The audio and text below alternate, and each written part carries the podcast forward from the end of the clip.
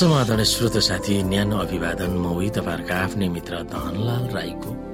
श्रोता आज म तपाईँको बिचमा बाइबल सन्देश लिएर आएको छु। स्वीकार्नुहोस्। आजको बाइबल सन्देशको शीर्षक रहेको छ पापमय संसारमा मृत्यु भन्ने बाइबल सन्देशको उपसंहार।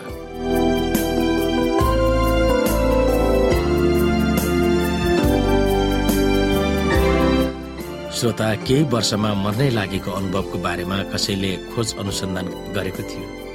जब मानिस मर्छ तब तिनीहरूको मुटुले काम गर्न छोड्छ र सास फेर्न छोड्छ। तर कतिपय समयमा तिनीहरू फेरि बिउतिएको हुन्छ र अनेकौं अनौठो कथाहरू लिएर आउँछन्। तिनीहरू अर्कै क्षेत्रमा गएका थिए र ज्योतिमय जीवनलाई भेटेको भनेर सुनाउँछन्। कतिपयले मरेका प्रियजनहरूसँग पनि भेटेर कुराकानी गरेको बताउँछन्। धेरै इसाहरू पनि जो बाइबलको सत्य शिक्षालाई जान्दैनन् तिनीहरूले पनि ती कथाहरूले प्रमाणित गर्दछ कि मानिस अमर छ? यसमा केही कुरा छुटिएको छ भनेर स्पष्ट रूपमा चेतावनीको रूपमा हामीलाई थाहा हुनुपर्दछ। कतिपय यस्तो मरेको भनेर दावी गर्नेहरूले आत्मिक जीवहरू तिनीहरूले भेटेका थिए जो आत्मिक जीवहरू थिए र तिनीहरूलाई तिनीहरूले सान्त्वनाका वचनहरू शान्ति प्रेम र भलोपनका असल वचनहरू दिएका थिए भनेर दावी गर्दछन्। तर तिनीहरूले ख्रिस्टले दिनुहुने मुक्तिको बारेमा केही सुनेका हुँदैनन् न त पाप न न्यायको बारेमा। इसाई भएर मरेपछिको जीवनको स्वाद पाएपछि के तिनीहरूले अलिकति पनि बाइबलका आधारभूत शिक्षाको झल्को पनि त्यसबेला पाएन होला? यो न्यू एज वा बाइबलको मौलिक शिक्षामा आधारित नभएको शिक्षा दीक्षाहरू निस्केका थिए भनेर आवाज पाइन्छ यहाँनिर।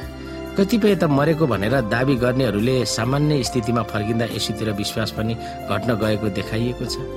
ती मानिसहरूले बाइबलले सिकाएको स्वर्गको बारेमा किन वर्णन गर्न सक्दैन? किनभने तिनीहरू न्यू एज वा अरू भावात्मक विश्वास वा धर्ममा लागिरहेका थिए भनेर प्रमाणित हुन्छ। त्यसको जवाफ त तिनीहरूले त्यही तत्त्वको छल र धोका परेको हुन्छन् जुन तत्त्वले अदनको बगैँचामा फटाहा कुरा गरेर आदम र हवालाई फसाएको थियो। परमप्रभुले क्षमा दिनुभयो भन्दैमा पापको परिणाम हटिनुपर्छ भन्ने आवश्यक नभएको र आदम र हवाको अनुभवले कसरी बताउँछ यो महत्वपूर्ण सत्य हामीले सधैँ किन सम्झिरहनुपर्छ त्यो हामी सोच्नु पर्दछ असल र खराबको रुख शैतानको निम्ति आदम र हवालाई आकर्षित गर्ने वा मोहनी लगाउने थलो भएको थियो। हामी आफै पनि ती आकर्षित र मोहित ठाउँहरूबाट प्रलोभनमा नफस्न कसरी जोगिनुपर्छ? परमप्रभुका जनहरूलाई शैतानले एउटा झुटो शिक्षामा फसाउन प्रयास गरिरहेको छ।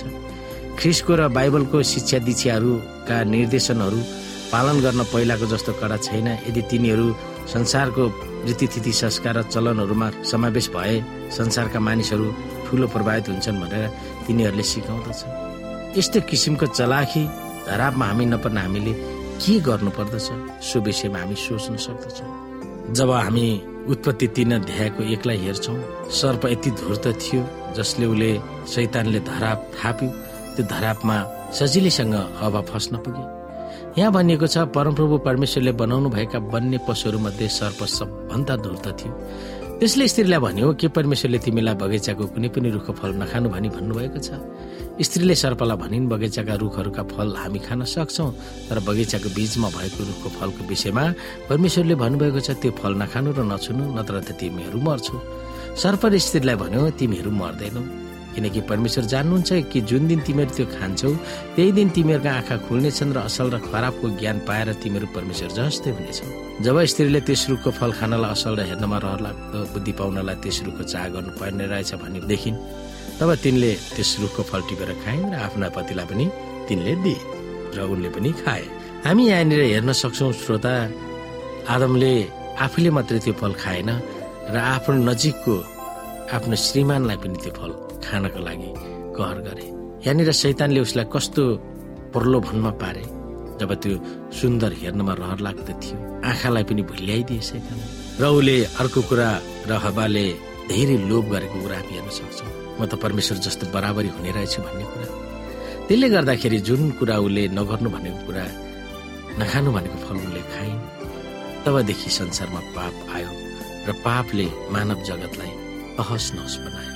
मानव जगतको अस्तित्वलाई नाश गर्यो र एउटा हामी फाँसीको सजाय सुनाइएको व्यक्ति जस्तो हुनु पर्यो। वास्तवमा हाम्रो मृत्यु निश्चित छ। त्यसरी नै एउटा फाँसीकर्तालाई जसरी मृत्यु निश्चित छ त्यो कुरामा हामीले सोच्नु पर्दछ